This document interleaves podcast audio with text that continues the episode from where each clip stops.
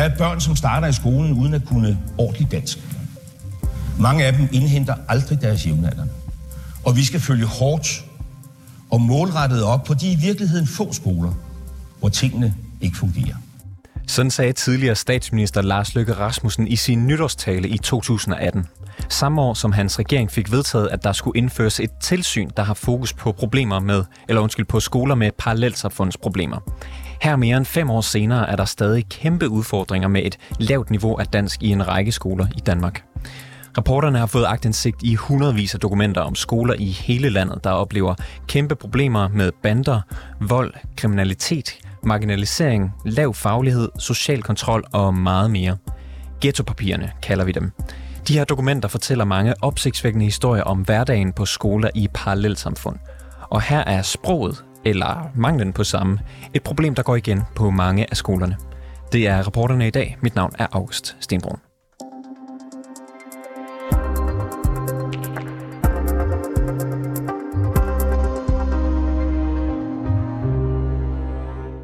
Claus Brønderup Sørensen er skoleleder på den aarhusianske Søndervangskolen, hvor knap 85 procent af eleverne har en anden etnisk baggrund end dansk. Skolen har næsten 350 elever, og over halvdelen af dem har et såkaldt særligt sprogstøttebehov. Det skriver skoleleder i, skolelederen i en redegørelse til Styrelsen for Undervisning og Kvalitet, som vi har fået agtindsigt i. Vi har spurgt skolelederen, hvad det vil sige at have et sådan særligt sprogstøttebehov. Når et barn kommer ind i vores skole og har særligt sprogstøttebehov, så er det jo fordi, at der er nogle, der er nogle mangelfulde ord, der kan være mangelfulde begreber, og mangelfuldt. Øh, man har færre ord end mange andre elever, øh, danske ord. Og, og dermed så er der jo rigtig meget mere, vi skal lægge vægt på. Så, så når børn starter øh, her ved os, så har vi stor fokus på det sproglige element. Og det er jo, at hver eneste ting, man peger på, eller tager op, eller vil vise, så sætter man ord på det. Så alt, hvad vi overhovedet kan sætte ord på, det sætter vi ord på. Så børnene får hentet så mange ord som overhovedet muligt. For så meget dansk tales der heller ikke derhjemme. Og, og derfor skal vi udfylde den her ekstra rolle. Claus Brunop Sørensen skriver i redegørelsen, at det kan være svært for eleverne at indhente sproggabet for at opnå et såkaldt alderssvarende dansk i løbet af deres skolegang.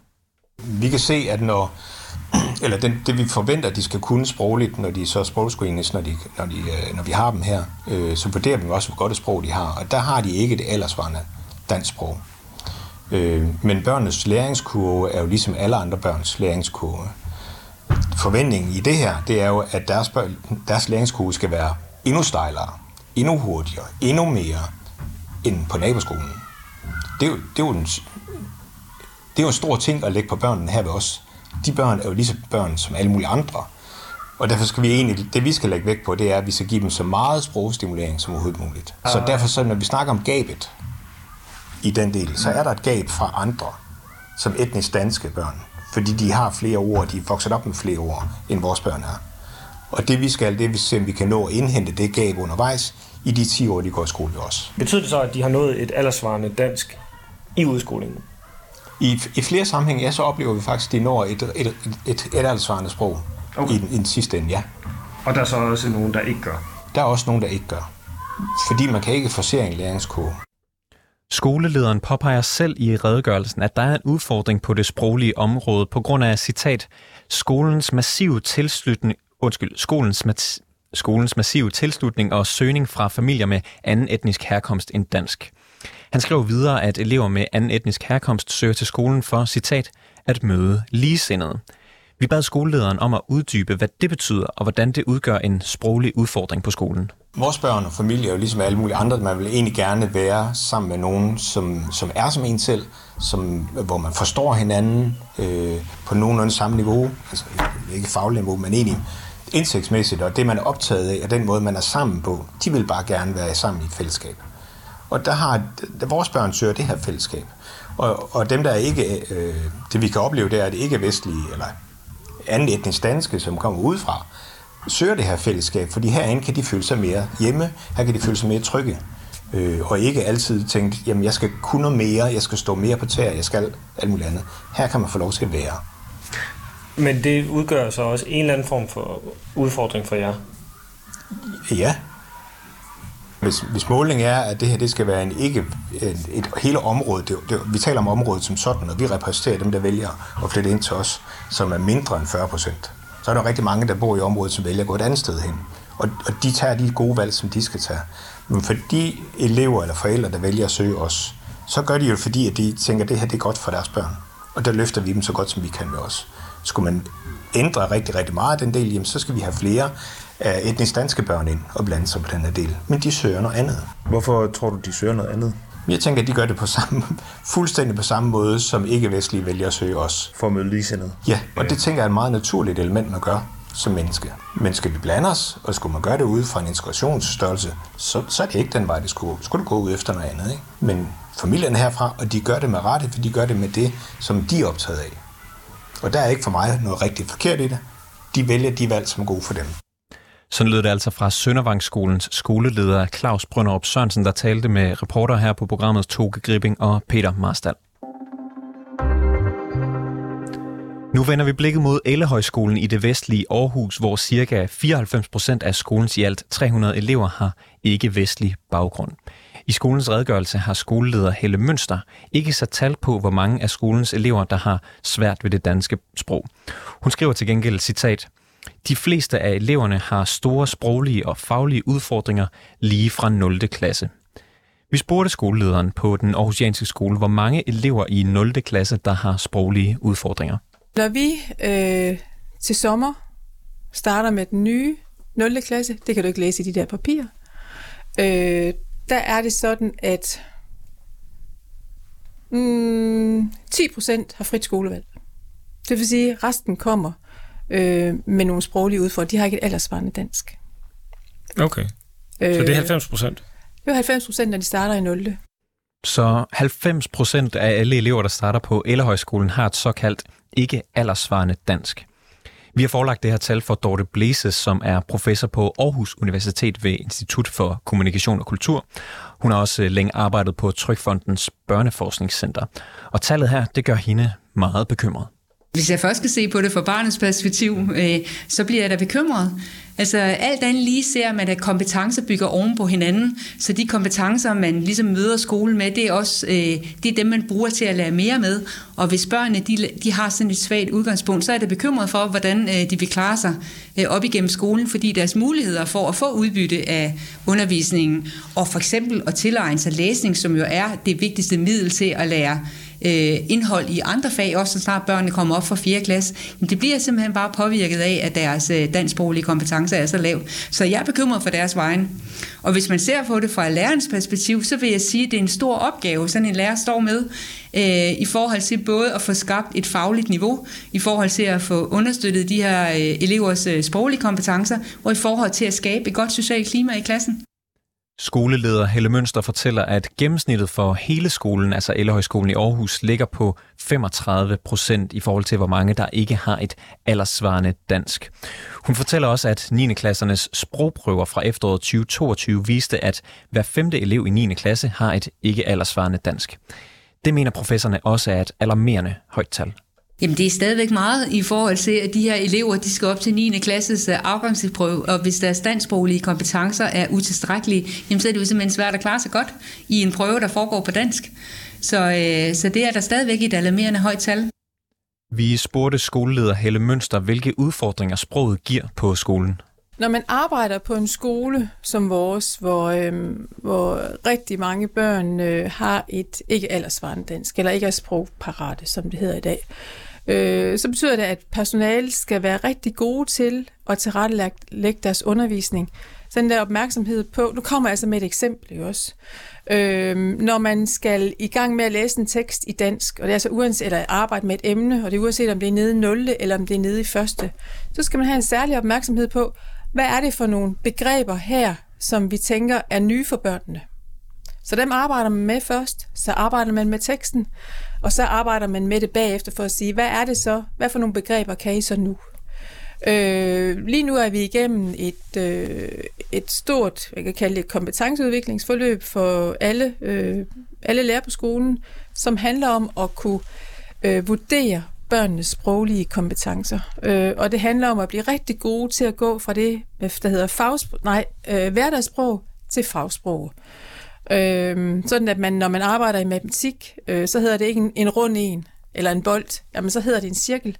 Så man kan alle de der ting. Øh, så det giver nogle, øh, der er nogle ting, som øh, man på bedre skole vil tage som en selvfølge, som vi ikke kan tage en selv, som en selvfølge. For nogle elever vil det være svært at nå alle kompetencemål, øhm, men alle går jo op til afgangsprøven.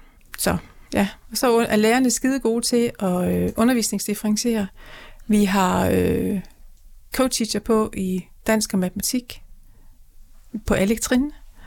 Øh, så der er en helt særlig, altså, vi har en helt særlig mulighed for at, at arbejde med det fag, ind i det fagfaglige for børnene. Ifølge skolelederen er det svært for børnene at lære dansk, hvis ikke der bliver talt dansk derhjemme, også selvom de går i daginstitution.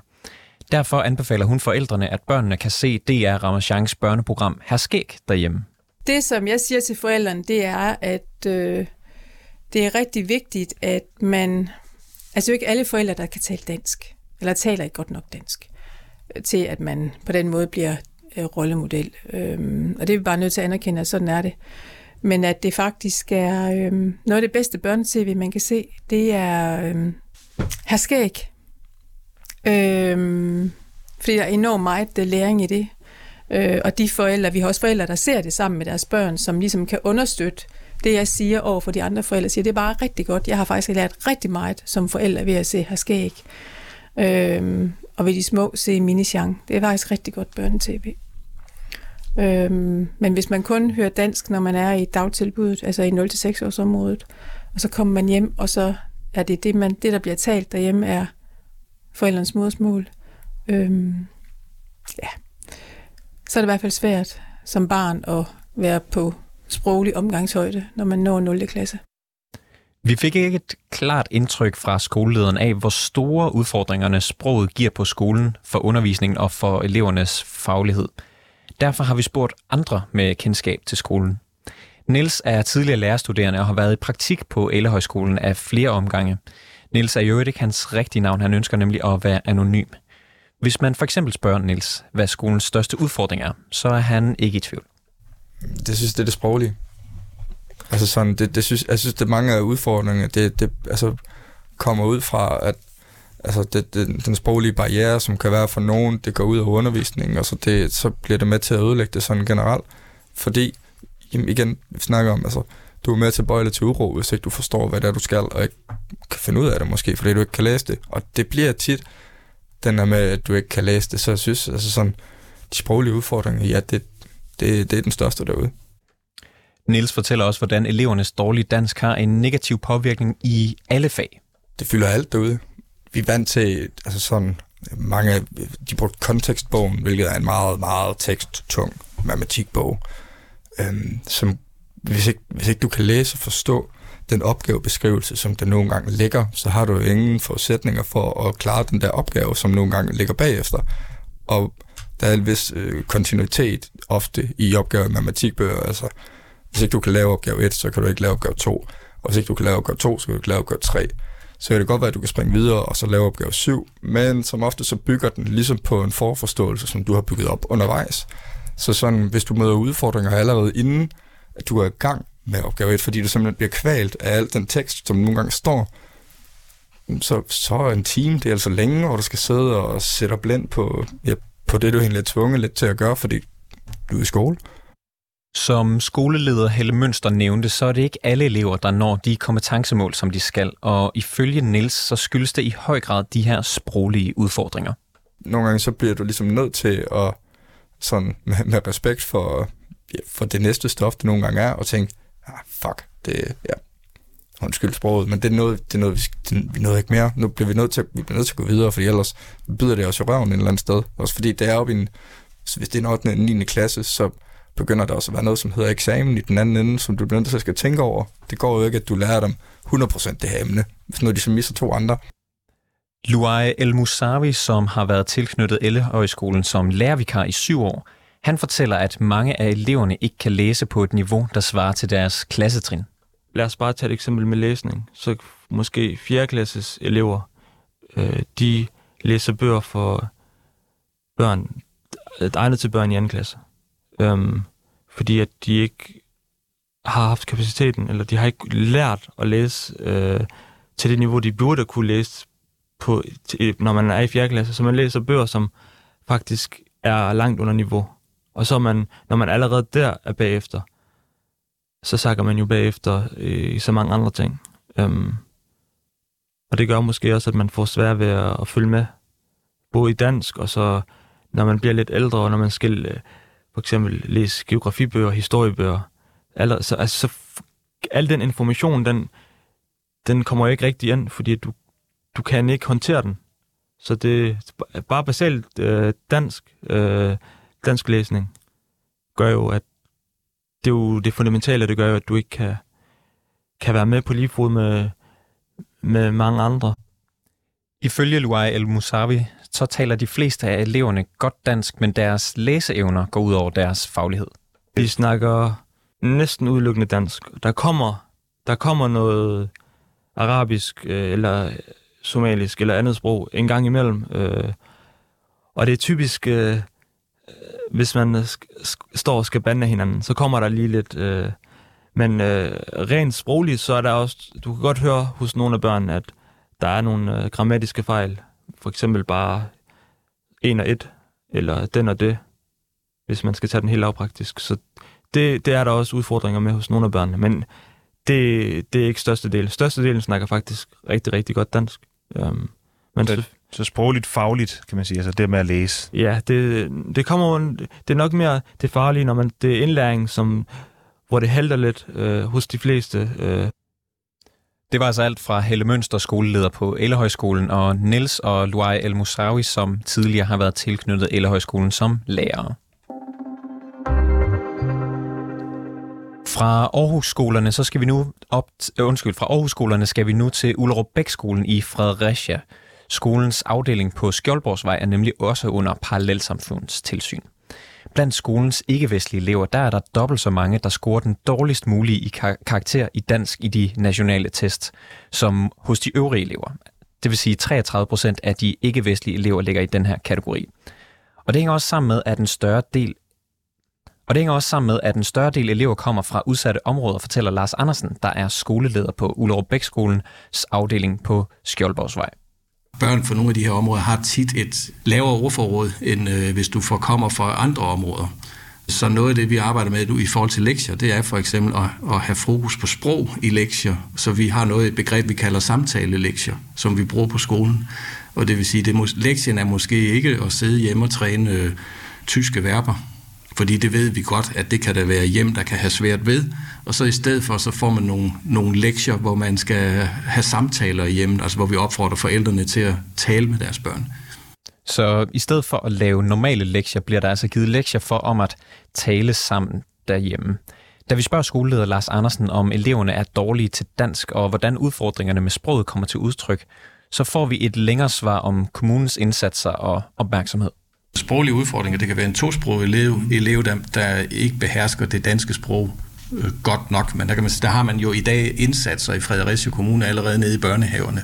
Det er jo en opmærksomhed, man har meget tidligt. Så når, når børnene starter ved os, så ligger der allerede en beskrivelse af dem i forhold til, hvem der har sproglige udfordringer. Så allerede der er vi klædt på for børnehaverne.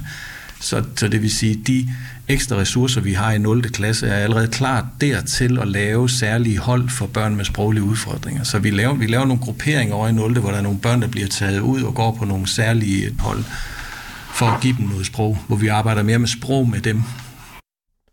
De sproglige udfordringer ses primært hos de tosprogede elever, men det er ikke kun børnene, der kæmper med sproget. Også på forældremøderne er der store udfordringer, fortæller Lars Andersen. Det har man løst ved at indkalde en tolk. Vi har lige i går haft et møde på skolen, hvor alle vores arabisktalende forældre har været indkaldt til øh, et fælles møde på skolen, hvor vi så har forsøgt at dele det sådan lidt op. Og der har været arabisk tolk på, og der har en af vores DSA-vejledere, øh, så sammen med en af kommunens konsulenter, haft et møde med forældrene omkring sprog og den der sproglige opmærksomhed, og det at tale med børnene i hjemmet og sådan. Var det det skilt, vi så ude på hovedindgangen? Der stod øh, skrevet på, både på dansk, men også på arabisk. Ja, ja. Møde rundt om hjørnet eller andet til det, arabisk. Det, det var det møde, vi havde i går efter. Ja. ja. Okay. Og det er forældre, der, der ikke behersker øh, sproget? Øh, nogle af dem gør jo. men der kan godt, det, kan godt være, det kan godt være svært for, for hvis, nu tager vi bare lige arabisk talende forældre, men hvis du har et andet sprog end dansk, kan det jo godt være svært for forældre at møde op til et forældremøde og skal høre på en dansktalende lærer, i, med, der taler meget og fortæller om, hvad der nu foregår på skolen. Og der kan godt ligge nogle begrænsninger i, at man måske holder sig lidt tilbage, fordi man har svært ved at følge med. Så lød det altså fra Lars Andersen, afdelingsskoleleder på Ullerup Bæk-skolens afdeling på Skjoldborgsvej.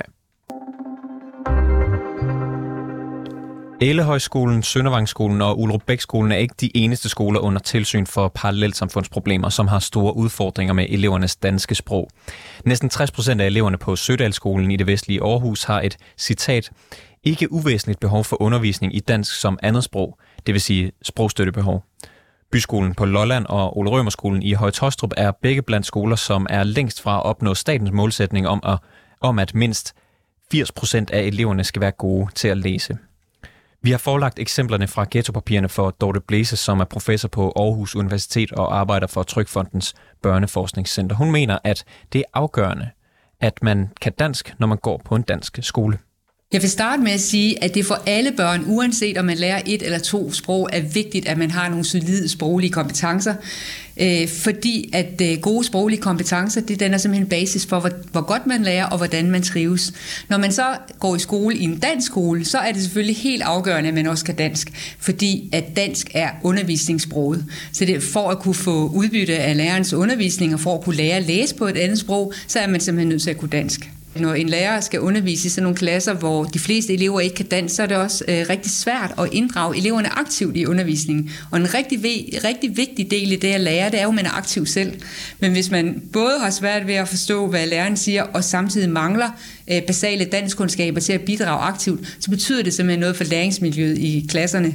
Det bliver både mere passivt, øh, og, øh, og det faglige niveau bliver simpelthen langsommere eller lavere.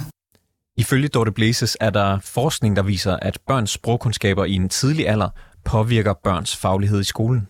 Børn, der møder skolen med stærkere sproglige kompetencer, de har både øh, bedre mulighed for at forstå det, læreren siger, når læreren øh, underviser. De har også bedre muligheder for at få fagligt udbytte af undervisningen. Og vi har lavet forskning, der viser, at der er store øh, forskelle mellem børn, faktisk allerede helt ned fra halvanden til toårsalderen. Og de forskelle, de betyder noget for, hvor godt man læser i øh, 6. klasse, og faktisk også ens karakter ved afgangsprøven i øh, 9. klasse. Elevernes sproglige og faglige udfordringer går ikke kun ud over dem selv. Det går ud over hele klassen, når niveauet er lavt. Der er forskning, der peger på, at øh, klassekammeraters kompetencer og færdigheder også har betydning for, hvordan man selv lærer. Øh, det hænger både sammen med, at man lærer fra andre øh, elever i klassen, men det hænger også sammen med, at jo højere kompetencer, der er til stede i klassen øh, i forhold til dansk, jo højere niveau kan læreren også undervise på. Og hvis man øh, er i en klasse, hvor 50, altså halvdelen, op til 90 procent har øh, svage dansksproglige kompetencer, så skal der ikke så meget fantasi til at forestille sig, at det går ud over det faglige niveau. Øh, eleverne får simpelthen svært ved at forstå det, læreren siger, øh, fordi de ikke har de sproglige forudsætninger for, til at forstå indholdet. Og bare for at give et lille eksempel, øh, forestil dig, at øh, du skal lave en aktivitet i matematik, hvor ideen er, at du skal tegne nogle former af forskellige størrelser, og du hverken kender ord for forskellige former, trekant, firkant, du kender heller ikke ord for størrelser, øh, større eller mindre, og du ved slet ikke, hvad antal betyder. Så er det en svær opgave at nå ind til det matematiske. Og der er også noget med øh, det sociale fællesskab i klassen, som jo også er en vigtig del af det at gå i skole. Hvis eleverne øh, taler mange forskellige sprog, og kun taler begrænset dansk, så er det simpelthen også svært at få det her klassefællesskab op at køre på samme måde, og, øh, og, og få det til at spille sammen med, med undervisningen. Så jeg kan godt forudse, at der kunne være forskellige vanskeligheder i det. Og så er der også en sammenhæng mellem sprog og så nogle mere generelle kognitive kompetencer, som det at kunne øh, fokusere opmærksomhed og det at kunne øh, kontrollere impulser, når, når det ikke er meningen, de skal, de skal ud, så at sige. Ifølge Dorte Blæses er det et decideret samfundsproblem, at der kommer elever ud af folkeskolen, som ikke har et alderssvarende dansk. Ja, det er det. Øh, og det hænger sammen med mulighederne for den enkelte i at nå deres potentiale. Hvis man ikke får en fornuftig afgangseksamen, så kan man ende med ikke at komme videre i uddannelsessystemet og reelt stå uden muligheder for at forfølge andre spor i sit liv. Det at have gode kompetencer er motorvejen ind til læring, og det kan simpelthen hjælpe med at øge den øh, sociale mobilitet og bryde den her negative arv, så for samfundet betyder det noget. Ifølge professoren skal børnene ikke nødvendigvis lære dansk derhjemme, hvis forældrene ikke evner sproget. Så er det bedre, at de taler forældrenes modersmål derhjemme. Der er forskning, der peger på, at det er bedst, at man bruger det sprog, man er, man er bedst til. Simpelthen fordi man kan bruge det mere avanceret. Man kan præsentere børn for flere nuancer af sproget, end man vil kunne øh, på et sprog, som man har på anden hånd. Øh, så, øh, så det vil være, det, det ser ud som om, at det er vigtigt, at man bruger sit eget modersmål, eller øh, hvis det nu er dansk, man, er, man føler, man er stærkest i, så er det selvfølgelig det, man skal bruge. Ikke? Øh, men det sprog, man er stærkest i, giver de, de rigeste erfaringsmuligheder for børnene, og det er det, der skal til. Rige erfaringsmuligheder og aktiv inddragelse, så meget som muligt. Men ved, ved man noget for forskning om, om, det er, altså, om det er dårligere for børnene, hvis der bliver forsøgt at tale dansk derhjemme, selvom de evner modersmålet bedre? Ja, det er der forskning, der peger på. Okay. Så forskning peger på, at det er vigtigst, at man bruger det sprog, som man er bedst til. Og hvis man er en, øh, en flersproget familie, og man er stærkest i sit modersmål, så gavner det barnets sproglige udvikling bedst, fordi det får nogle øh, basale sproglige kompetencer på et sprog i hvert fald, og det gør det nemmere at, at bruge de kompetencer ind i at lære et andet sprog.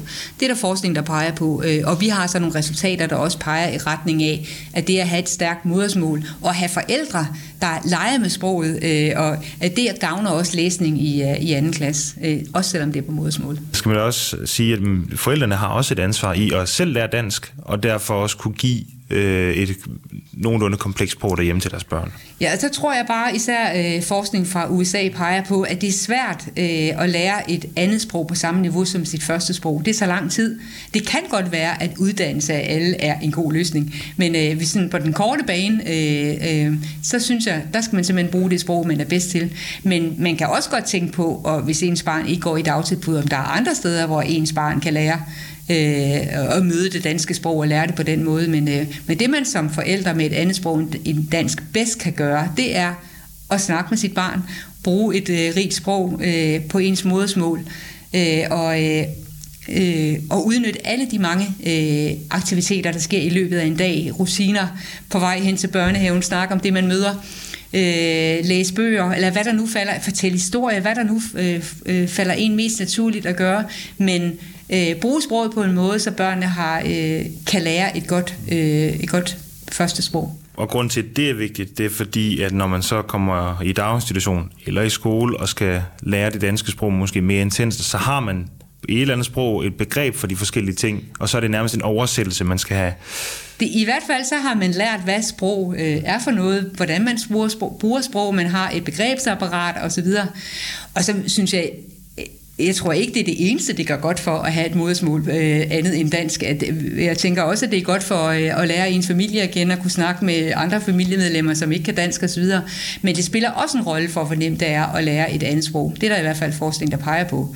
At jo stærkere første sprog man har, øh, jo nemmere er det at lære et andet. Eller hvis man lærer øh, begge, to, øh, begge øh, sprog parallelt.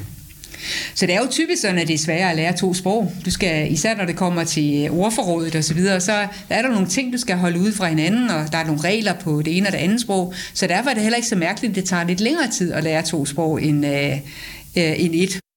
Sagde altså professor Dorte Blæses fra Aarhus Universitet, der arbejder på Trykfondens Børneforskningscenter. Det var alt for reporterne og ghettopapirerne i den her omgang. Udsendelsen var sat sammen af Toke Gripping og Peter Marstal. Mille Ørsted er redaktør, og mit navn det er August Stenbrun.